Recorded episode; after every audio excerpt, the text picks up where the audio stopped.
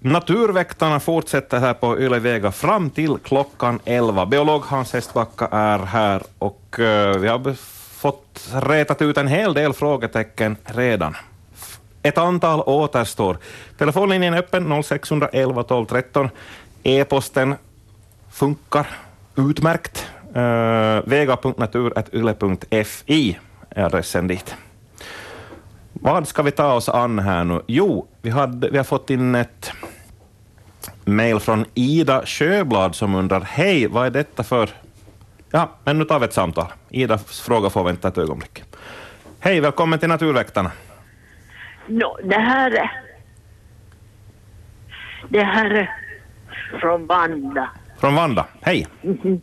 Jag skulle fråga en sån sak att uh, här i slutet på februari kom det en hel sträck med små, små fåglar. Och eh, sen, sen, sen kom jag hem på, på kvällen den 21 och eh, en av fåglarna hade satt sig i, i, i springan vid garagedörren.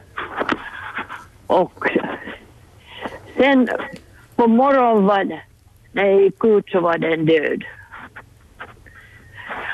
Och två, två dagar senare så var det två av de där småfåglarna döda på min kökstrappa. Nu har jag försökt titta vad det kunde vara för fåglar. En finsk tal har sagt att det var en grön bäs, grön sparv. Men finns det någonting sånt? Och det var faktiskt, jag räknade 14 på marken och ändå var björken full av de där små. Vad var det för fågel? Ja, det finns ju grön fink. Jo. Som är större än talgoxen. Jo, nej, nej det var riktigt, riktigt, riktigt, riktigt sådana små. Det var mindre än talgoxen?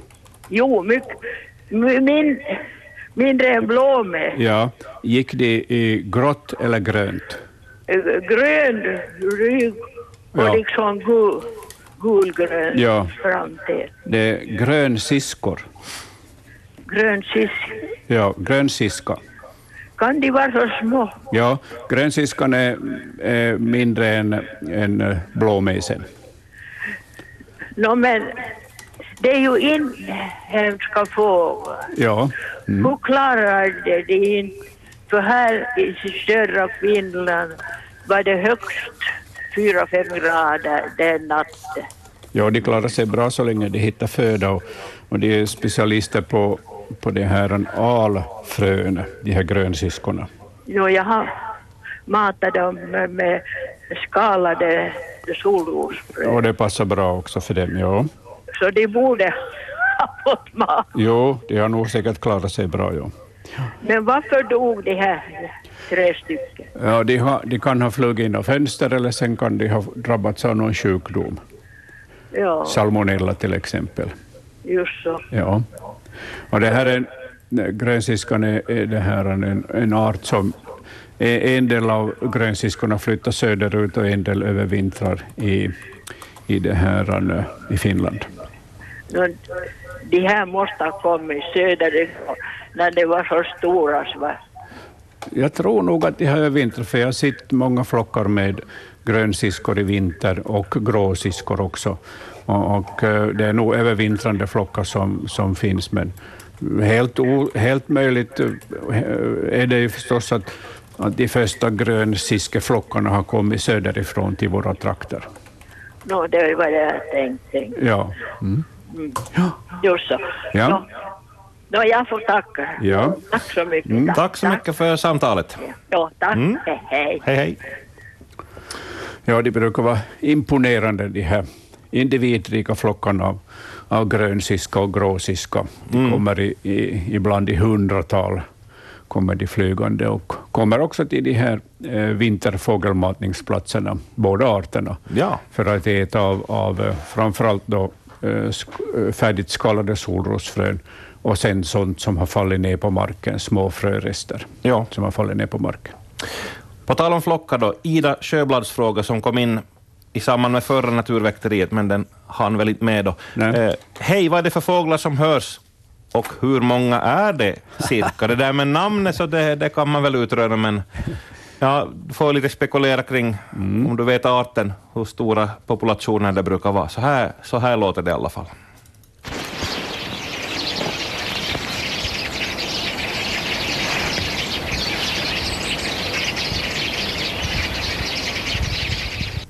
Ja, Kort, men intensiv. Ja, framförallt pilfinkar, men jag tyckte att det fanns gråsparv med också.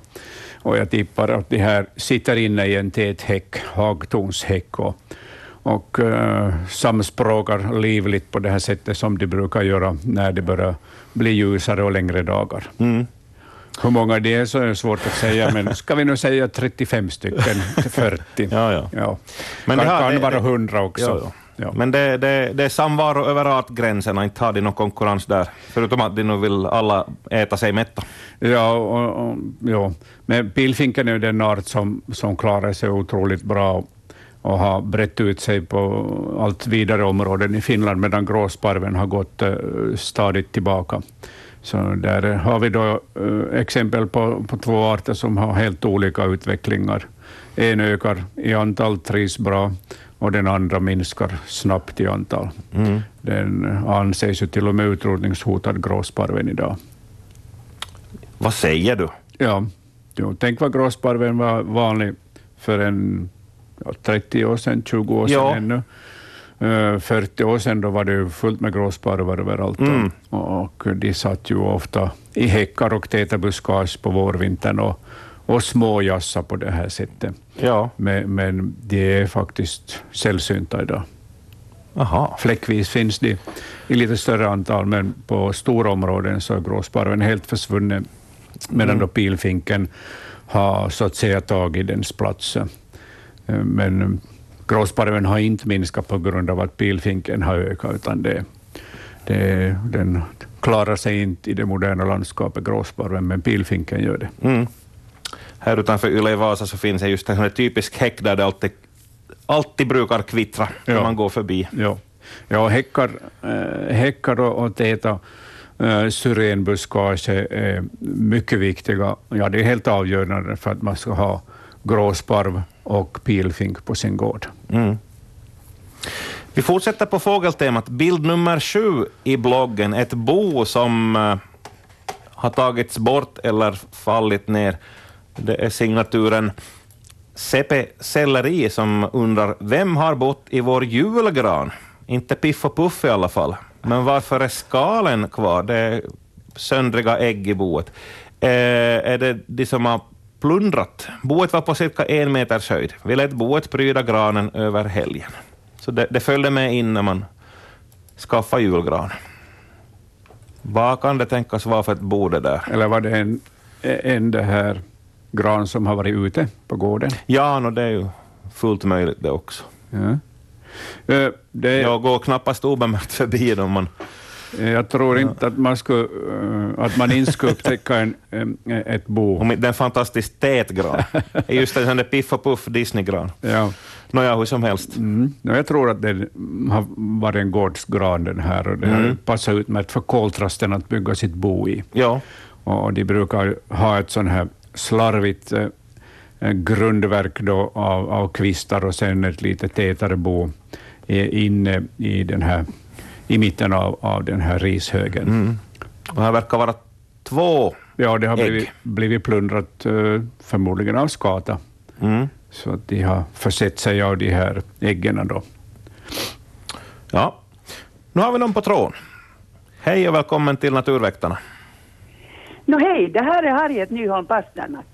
Jag ringer om en sån sak att jag har otrevliga grannar. Det vill säga, en minkfamilj Ja. hade förra sommaren under vårt kök eh, bostad. Ja. Och för det första så var det ju besvärliga eh, mot mina barnbarn för de ville komma på dem. Ja. Men för det andra var det att vi hade inga sommarfåglar, inga änder, ingenting. Ja. För att det var så tyst. Vad kan jag göra och när ska jag göra någonting? Eh, eh, har du några bekanta som, eh, i trakten som är jägare?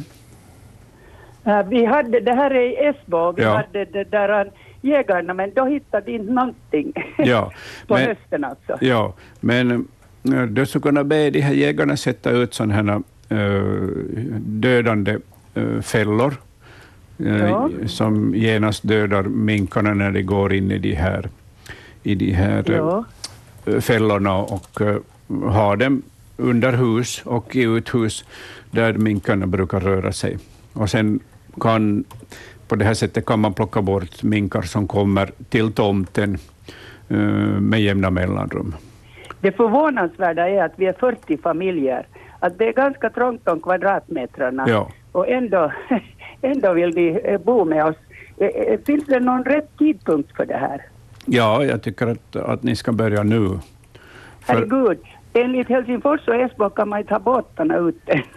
ja, och det är en holme och det finns ingen is.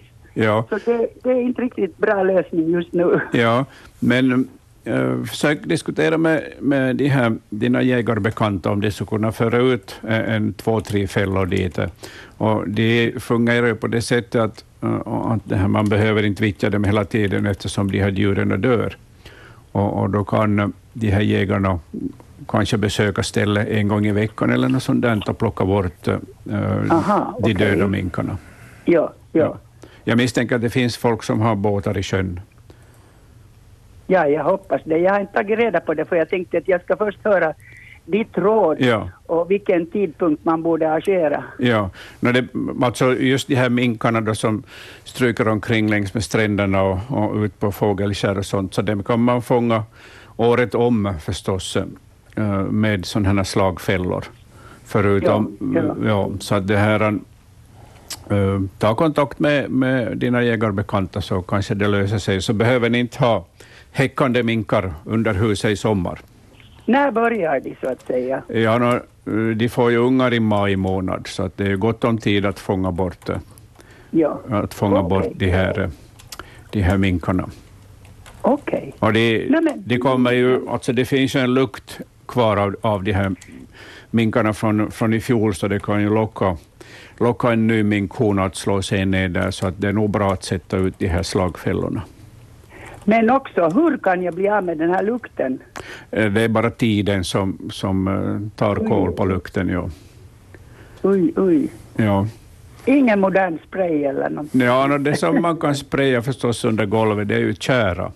Och, och den Aha. tjäran är ju en, lu- har ju en, som jag tycker, en mycket angenäm lukt. Och den kan täcka över den här minklukten. Min farfar var båtbyggare, Ja. jag kommer nog ihåg den här härliga kärleken. Ja, visst, ja. ja. Okej, så det, det är någonting jag kan göra också. Det kan du göra, ja. Mm. Fint. Ja, Tack ska du ha och vi hoppas på en fin vår. ja detsamma. Mm. Tack, hej. Ja. Tack, tack. Hej. Vildmink, hur mycket förekommer den? Eh, Det förekommer tyvärr mycket vildmink i, Mm. i, i, i skärgården, men i hela landet. Alltså den, den har ju spridit sig in i, längs med vattendrag också eh, till hela landet. Så att, och det enda sättet att, att hålla nere minkstammen det är ju en kontinuerlig fångst. Ja. Och, och sen finns det till all lycka eh, jägare som har specialiserat sig på, på aktiv eh, jakt på mink tillsammans med, med en terrier eller annars en, en annan hund som gärna tar minkar och som gärna jagar minkar. Och, och de här aktiva jägarna då som, som jagar mink så, i, skärgården och vid sjöar, så de gör en stor, stor gärning, en, en god gärning.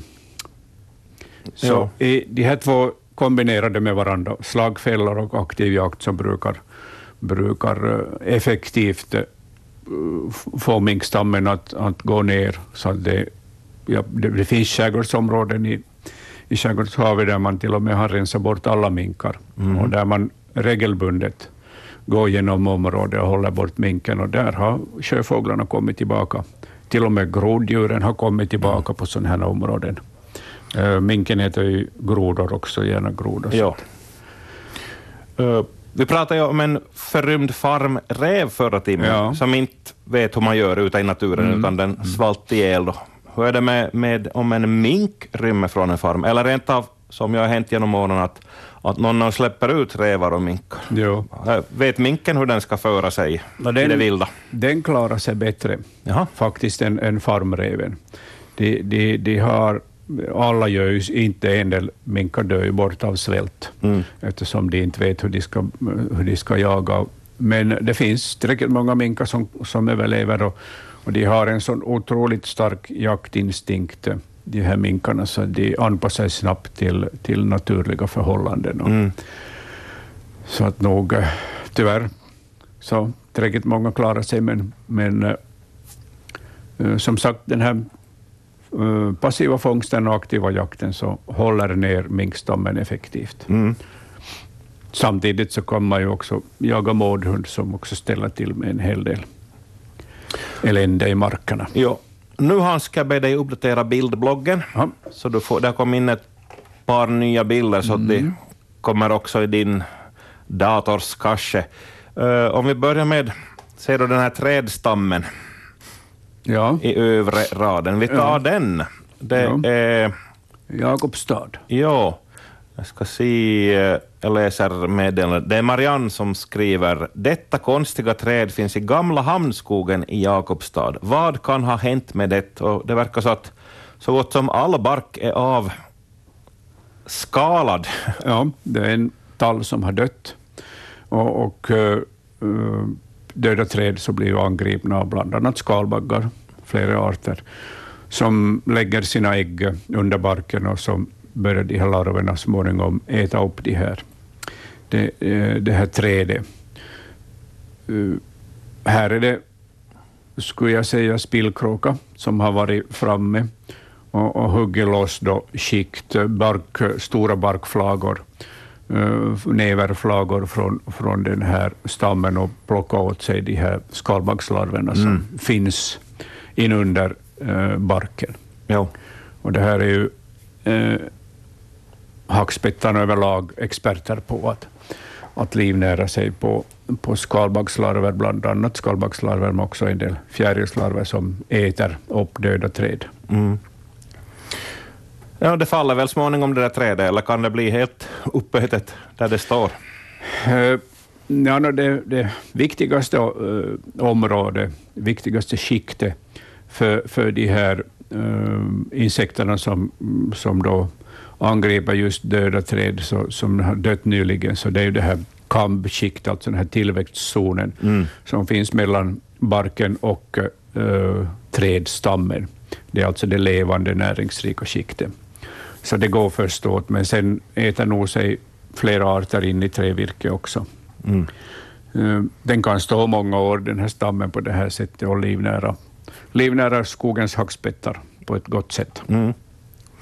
Och det är ju så att just eh, träd som har dött på rot, det har en viktig roll Ja, visst i naturen. det. Dels är det ju skafferi då för, för hackspettarna och, och, ska, och skafferi för otroligt många eh, insektarter. Jo. Så att eh, all, all död, allt dött virke som, som finns i skogen och som faller omkull och, och multnar bort sakta mak, så är viktigt för skogens mångfald. Mm. Men som boträd då, just de här Ja, rotdöda. mm, ja det finns ju. Det här är då en, en ja, kanske medelålders tall. Så här kan ju då till exempel större hackspett hugga, åt sig, hugga ut en bohåla åt sig. I, sen, I grövre träd så brukar ju spillkråkan sköta om bobyggande.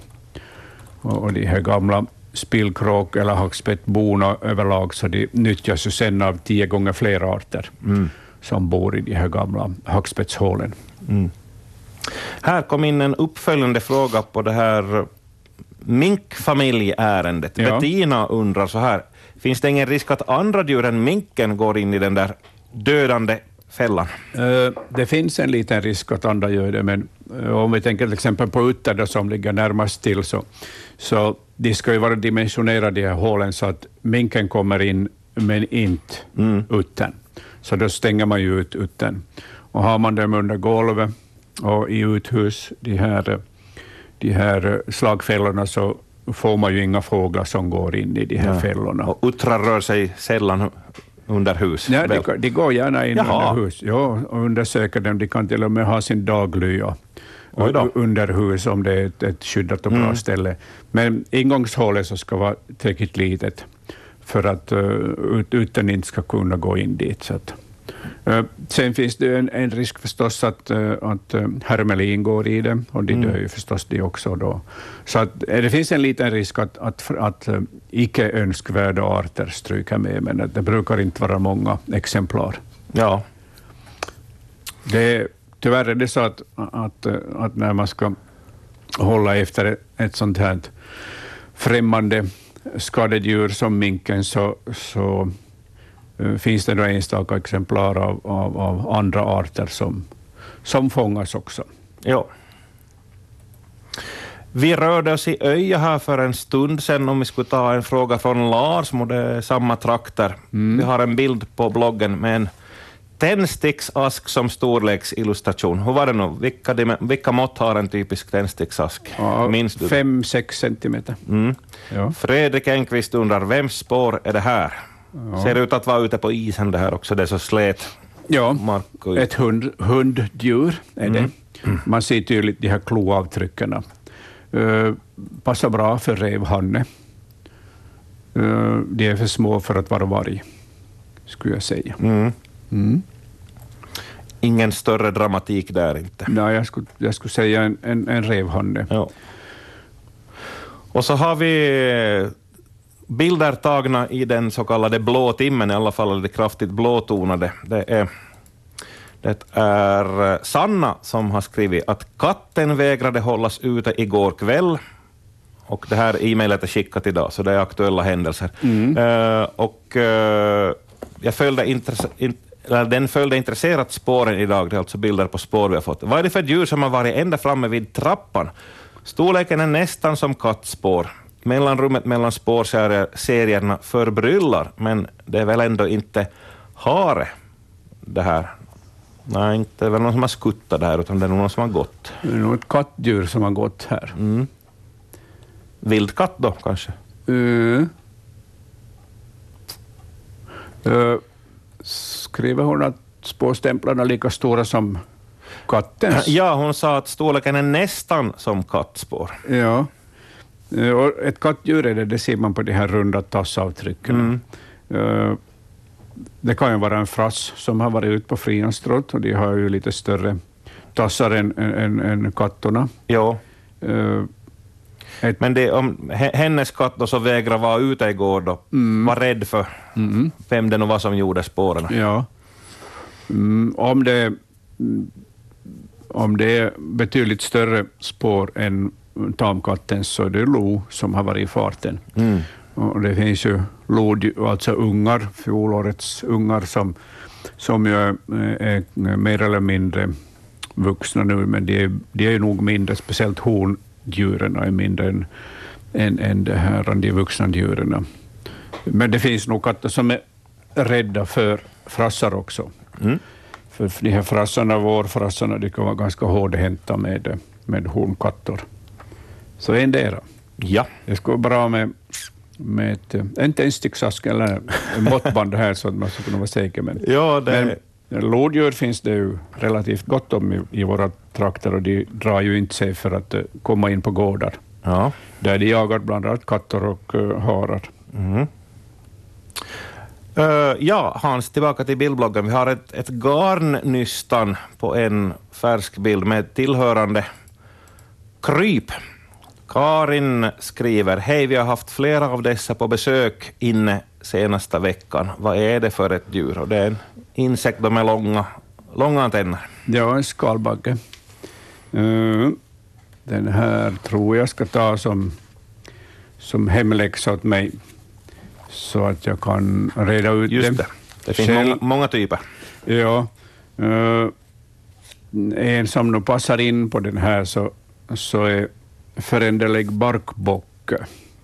Och den är just eh, metallblå. Mm. rödgul på, på framkroppen och, och sen metallblå. Det finns en, en färgvariant, eh, den ena är rödbrun, den andra är metallblå. Ja. Så att eh, preliminärt, föränderlig barkbocke, men jag kollar gärna upp det noggrannare för att vara säker. Säker. Men de här tjocka låren så passar in också på, på den här arten. Mm. På tal om det, nästa sändning. Det är onsdagen den första april. Det är inget skämt. då ska, ring inte in med några dummerier då. Vi håller oss någorlunda seriösa här i Naturväktarna. Ja. Den här föränderliga barkbocken, så den, larverna lever då med mellan barken och trädet, just på det här, i det här kambiskiktet som är det näringsrika. Ja, ja. Men eh, jag kollar upp det för säkerhets skull. Ja, det är bra. Mm. Nå, har, ser du följande bild efter garnnystanet? Har din, har din blogg uppdaterats lika som min? Du får trycka några gånger på refresh. Det är, Ja. Om inte så kan vi ta, vi kan ta en... Här är någon Nu har du den. avföring. Ja. Precis. Jag läser frågan. Det är Torbjörn Lassas som skriver en varg syntes i Pyttis i förra veckan och en bekant hittade den här högen på sin gård. Kan det vara vargens visitkort om man så säger? Ja, det är tänkbart. Hur stor är den här avföringen? Det var tändsticksasken igen.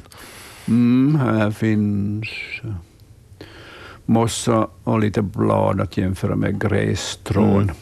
Uteslutet är det inte.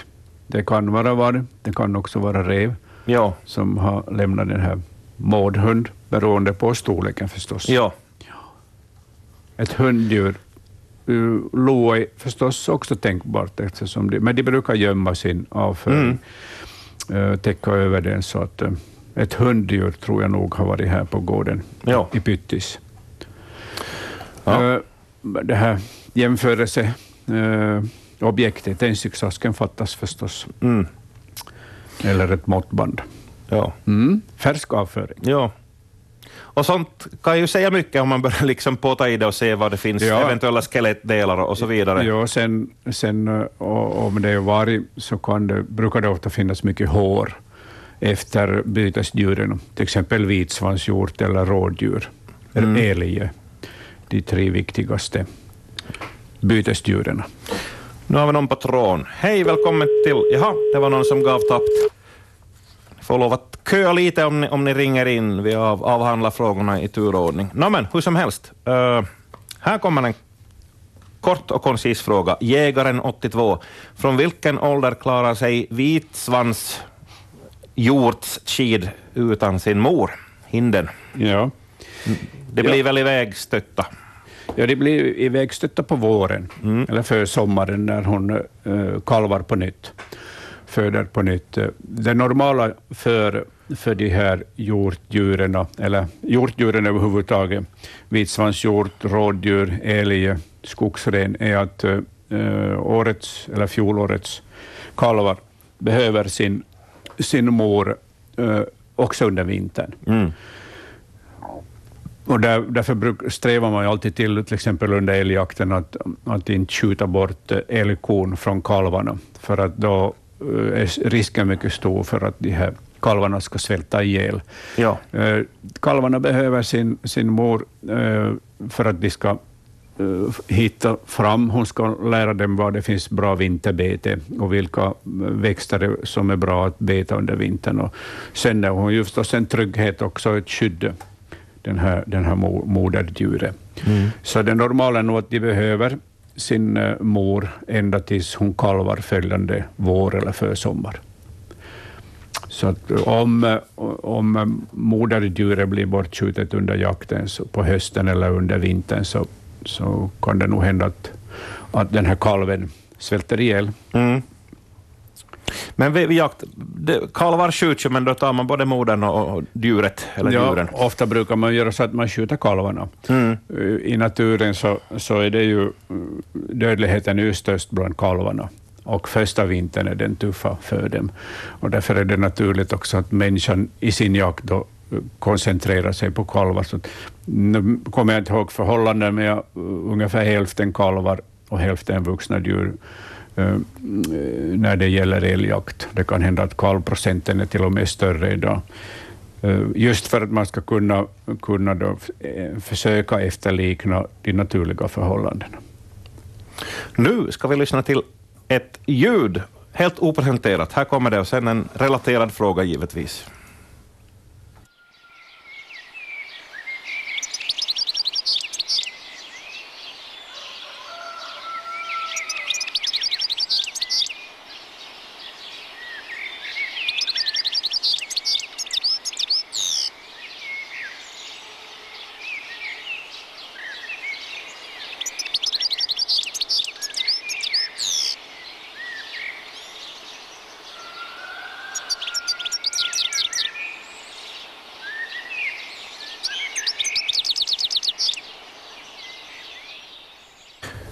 Trevligt med lite fågelsång också i sändningen. Så här är frågan formulerad. Det är signaturen Anita som eh, skrev i början av förra månaden också, såg den 5 februari en steglitz i Alpparken i Helsingfors. Den fanns tillsammans med talgmesar vid ett mycket inofficiellt matningsställe. Är det vanligt att steglitzen övervintrar? Jag minns inte att jag tidigare har sett sådana här under min morgonpromenad genom parken.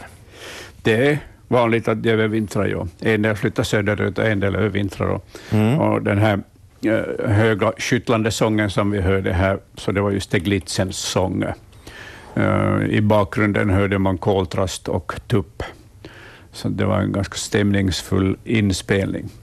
Uh, Steglitzen är ju uh, den brokigaste småfågel vi har med, med gult och rött i sin fjäderdräkt och, och vitt också och uppmärksammas alltid när den kommer till till de här matningsplatserna.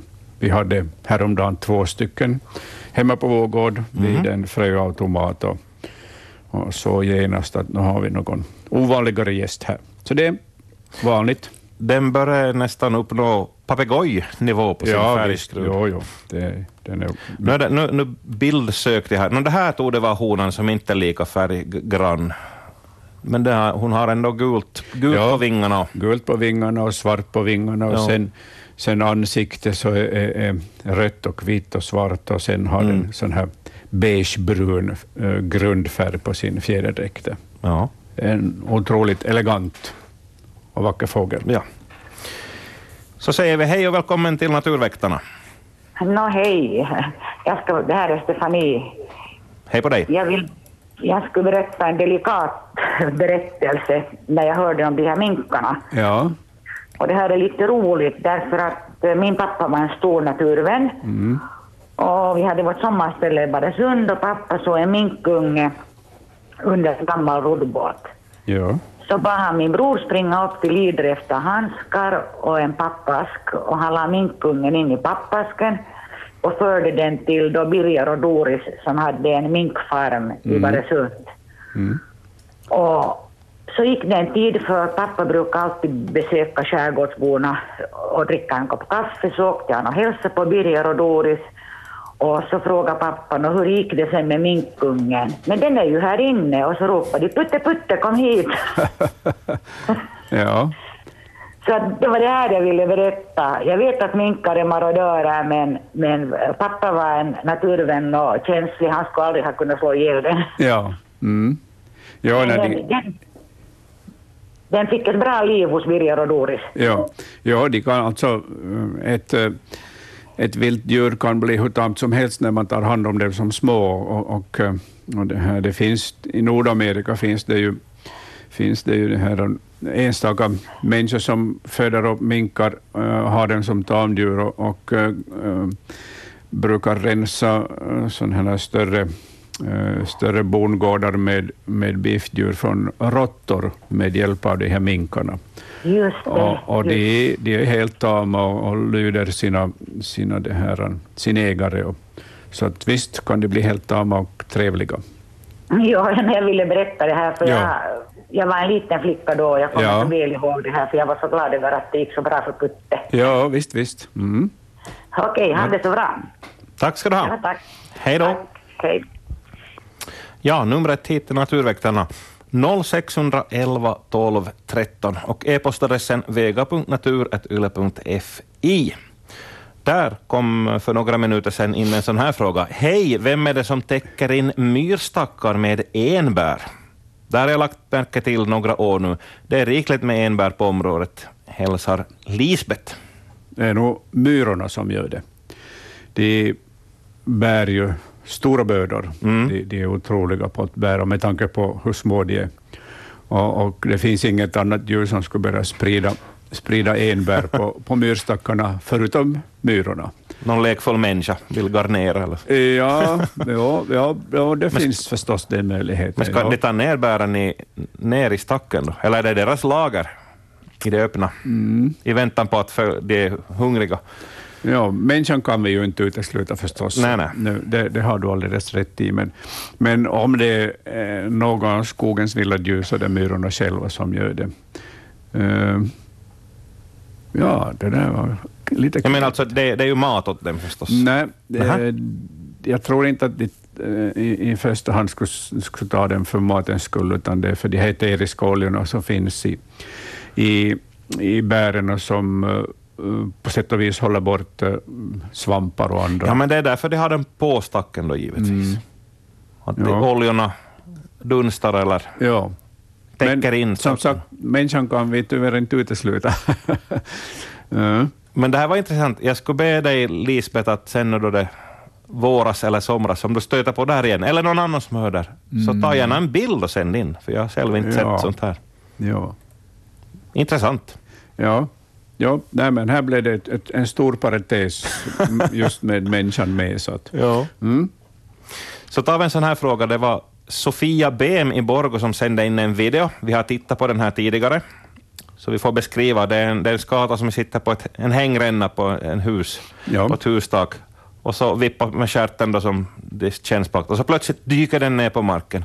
Och Sofia undrar, varf, undrar varför dyker skatorna så här utanför mitt fönster? De gör det varenda dag och flera gånger efter varandra. ja.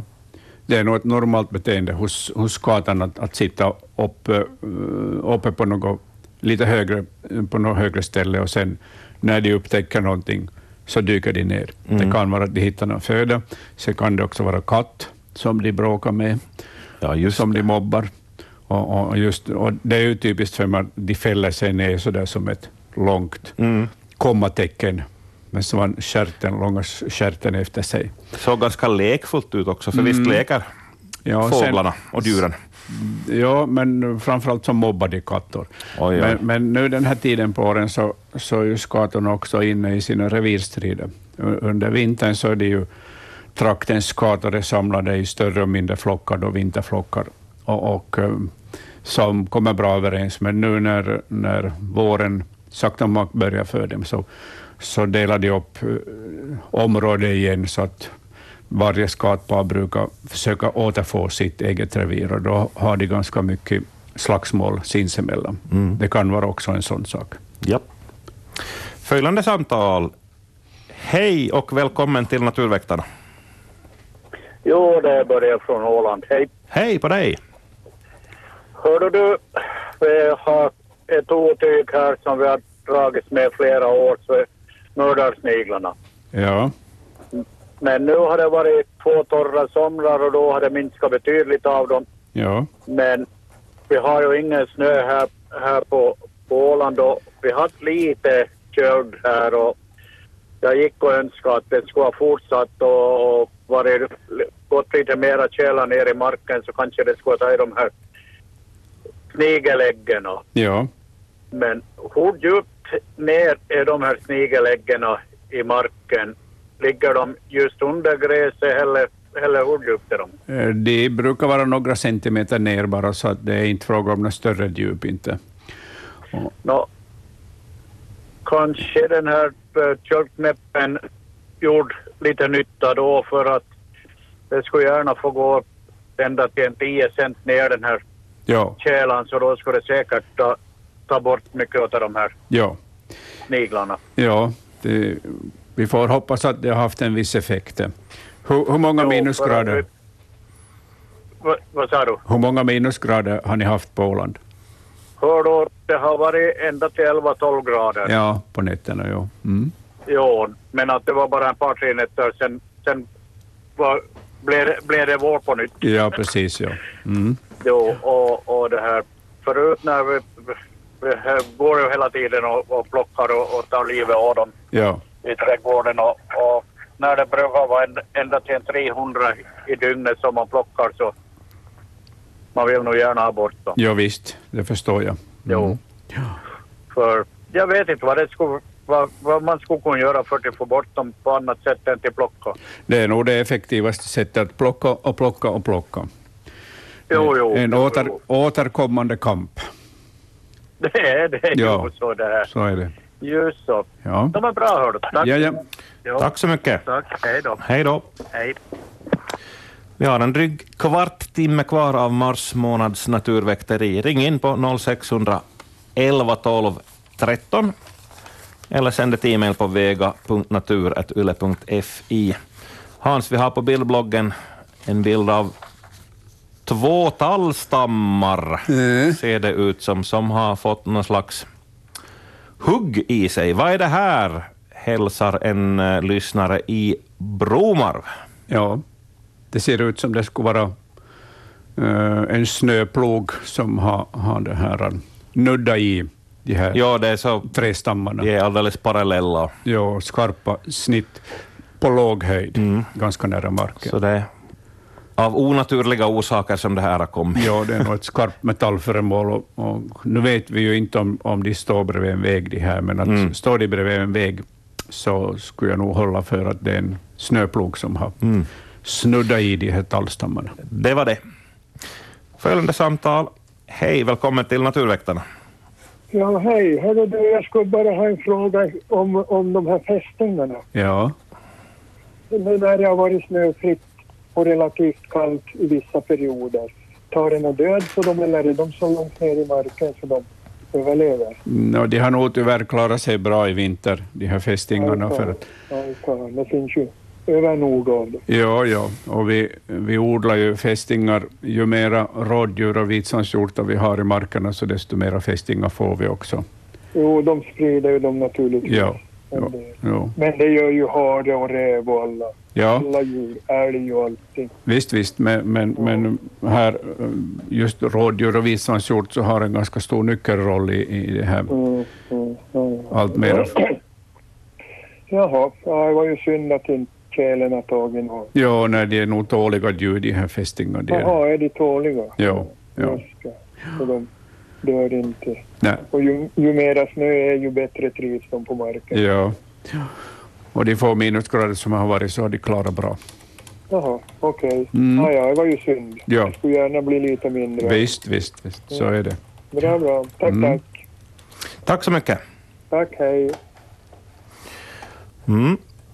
Ja, det blinkar till där, men... Eh, här ska vi se. Mm, mm, mm. Här skriver uh, Leif Lundell, det kom sju stycken svanar flygande söderifrån. Trumpetandet hördes på långt håll. Är det inte lite väl tidigt ah, då man känner den kalla vinden? Och Leif, han bor i Yttermark Ja. i sydösterbotten. Nej, det passar bra in på sångsvanar. Det är ju sångsvanar, flyttande sångsvanar som han har sett och hört.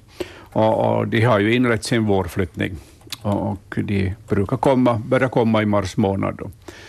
Och det lönar sig för dem, de, de här ivrigaste paren att försöka komma så fort som möjligt för att få sitt gamla revir och kunna behålla det då inför den kommande häckningen. Och, och sångsvanarna är ju stora och tåliga fåglar så att några minusgrader så spelar ingen roll för dem inte. Jag fick faktiskt in en observation här till regionalradion tidigare i veckan från Edsövö i Pedersöre. Det flög ett svanpar över riksåttan på väg ut mot sjön. Ja. Och på Söderfjärden, här i, Ja. utanför Vasa, så har det funnits svan länge, meddelade en annan lyssnare. Ja. Jo, nej, det är nog helt normalt att de flyttar. Det ringer någon. Hej, välkommen till Naturväktarna. Ja, det var Söderberg Gustav Närpes. Hej. Hej! Hör du, eh, jag tänkte vad har hänt nu eh, som i, i naturen nu när eh, gråsparvarna har kommit tillbaka till oss. De var nog en del förra vintern men i år har vi, har vi väldans mycket av dem och, och de är och äter och, och, och, och det här. nu fick jag ju domherre. När snön kom nu så kom ju domherrarna ner för Tjärnöbo bredvid Storskogen och, och, Ja. och det här. Mycket små fåglar har jag. Det går ett, en sån där fettstång i veckan, ett kilo. Ser du? Mm. Ja, ja det, man får bara gratulera dig till att du har fått gråsparven tillbaka.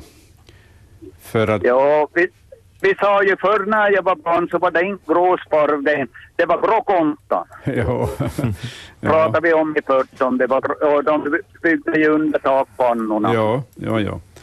ja. Det, du har tydligen goda förhållanden för, för de här gråsparvarna på, på din gård. Har du skyddande buskage? Jo, jag har en, en, en risbuske som vi flyttade när vi byggde egna hemshus närmare 40 år sedan. Ja. Så den är börjar väl vara tre, tre, ja, tre och en halv, fyra meter hög den där, den där Mm. eh, enprisbusken. Ja, det är ju gott skydd för gråsparv och pilfinke. Jo, det, det, det, och, där har jag fett, eh, fett eh, stången och i den där hängde. Ser du bara. Mm. Så Hacke Hackspett inte hittat den riktigt många gånger i år. Nu har han varit dit. nu. Ja. Mm. Så det, det som är, ändras mycket och koltrasten har, vi haft hela vintern. Ja, ja, övervintrande koltrastar finns på många ställen. Jo. Mm.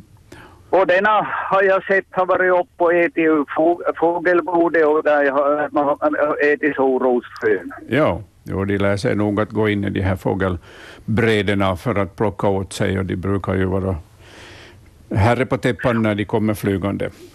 Jo.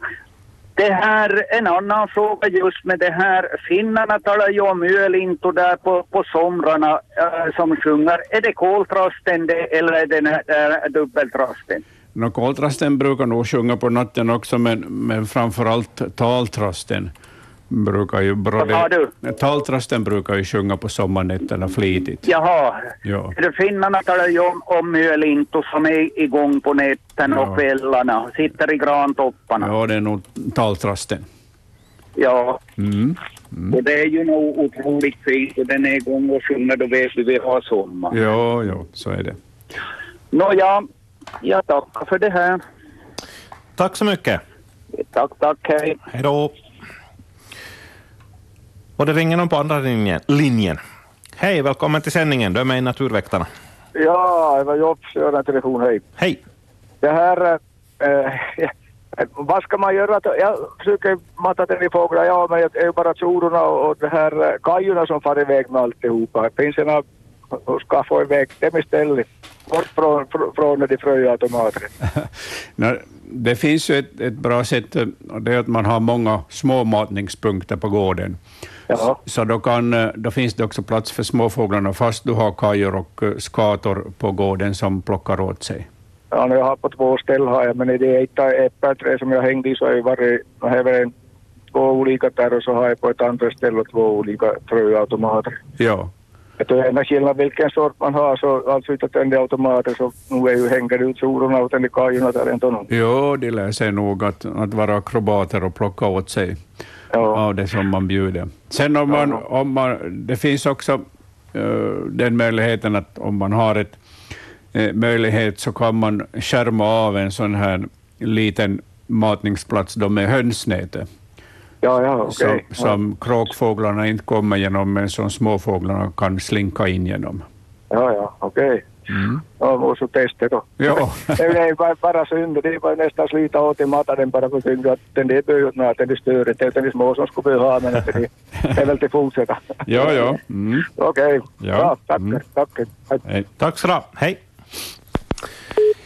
Vi har eh, fått in ett par till bildfrågor. Nina Bergman uppdaterar bildbloggen som finns på svenska.yle.fi snedstreck natur, men eh, de har inte dykt upp här ännu hos mig. Det är Nej. den här webbcachen som segar till det, det tar några minuter. Men vi tar en sån här fråga i väntan på det.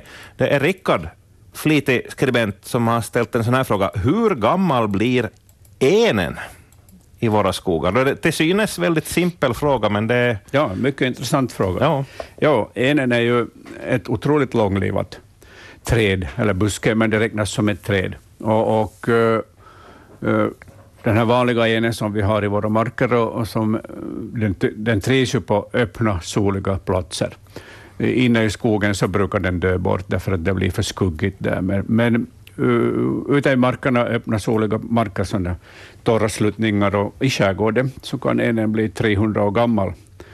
Så att visst kan den bli gammal. Mm. Sen finns det då en Lapplands en, variant i Lappland som, som kan bli 900 000 år, tusen år gammal. Så att uh, en imponerande ålder. Ja.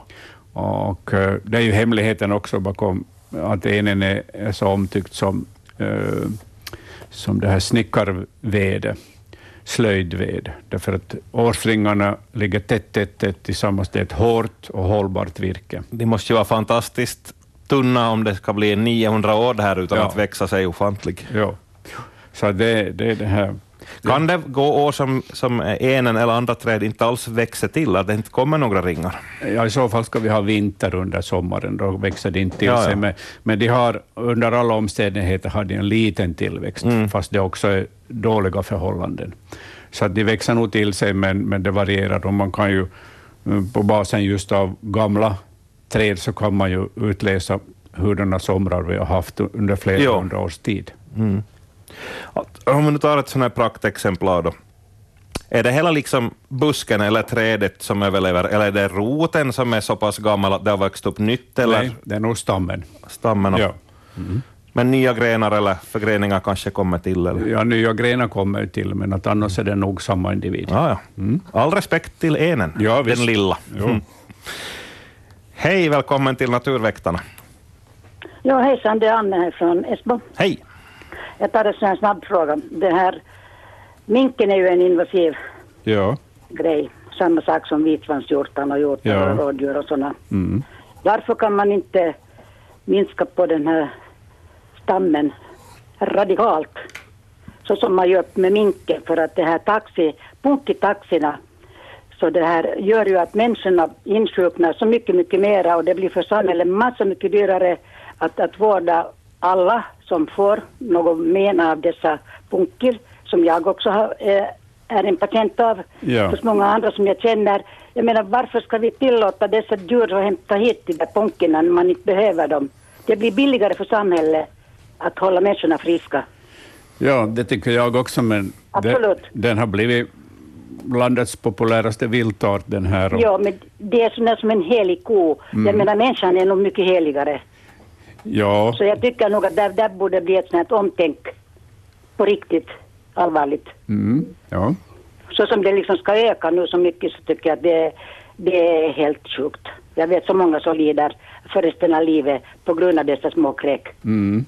Så där, där har nog liksom politiker och alla liksom någonting att tänka på. Ja, det är väl närmare en politisk fråga än vad det är en politisk fråga, biologerna kan säga. Eller ni, ni kan ju förstås säga ert också. jo, no, Utlåtande. Så det är väl också det är, ju, är det ju inte bra att ta in främmande arter, men på den tiden, på 30-talet när man gjorde det, så hade man inte den kunskap, den ekologiska kunskap. Nej, som... man hade inte. Vitsvanshjorten är ju vackra djur att se på, ja, ja. men den skada som, som den här punkitaxen hämtar med sig och nu i år det ökar ännu mer, så det är skrämmande. Det, ja. liksom, det är så många som kommer att drabbas av en massa olika sjukdomar. Som läkaren står och funderar på att vad kan det vara? De vet inte riktigt, det går flera år och människan blir sjukare och sjukare. Aj ja, du har borrelia, just ja. så.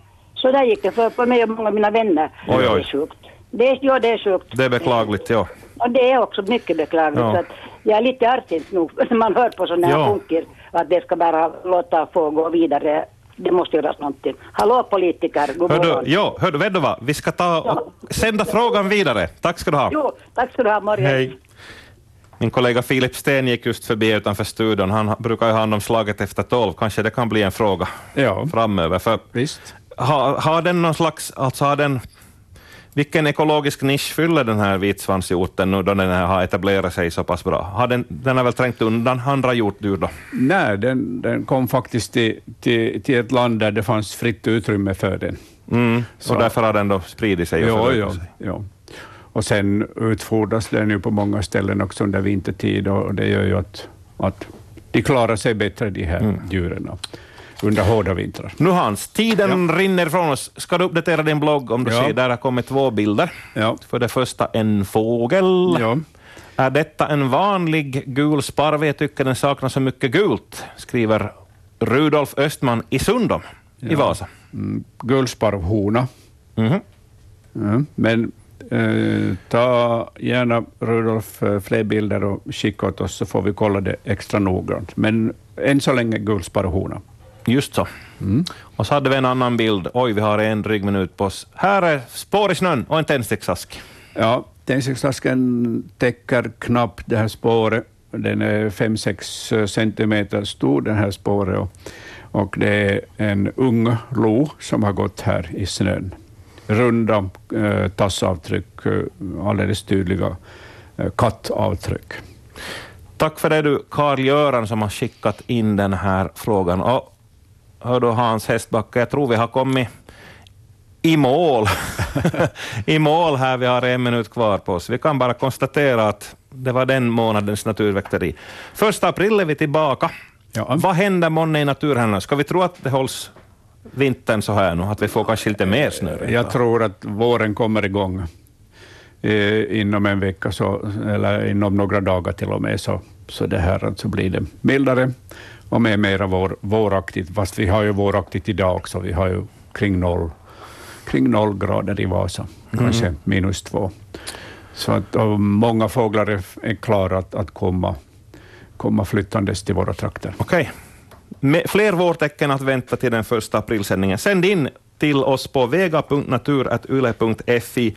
Text, eh, bilder, ljud och video som vi också har fått in denna vecka. Det underlättar det här utrödandet av vad det handlar om. Ja. Jag, Roger Kjellman, tackar för eh, sällskapet och tack till dig, Hans Hästbacka. Nu blir det nyheter här på kanalen.